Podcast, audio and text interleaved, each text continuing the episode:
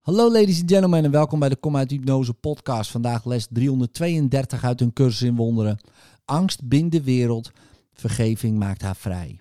Het ego maakt illusies. De waarheid maakt zijn boze dromen ongedaan door ze weg te schijnen. De waarheid brengt nooit een aanval voort. Ze is er gewoon. En door haar aanwezigheid wordt de denkgeest teruggeroepen uit fantasieën en ontwaakt hij tot wat werkelijk is. Vergeving nodigt deze aanwezigheid uit binnen te komen en haar rechtmatige plaats in de denkgeest in te nemen.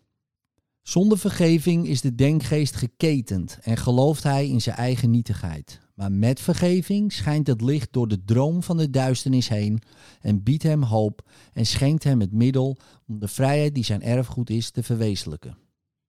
Wij willen de wereld vandaag niet opnieuw binden. Angst houdt haar gevangen. Maar uw liefde heeft ons het middel gegeven om haar vrij te maken. Vader, we willen haar nu bevrijden. Want wanneer we vrijheid aanbieden, wordt ze ons gegeven. En we willen geen gevangenen blijven terwijl u ons vrijheid aanreikt.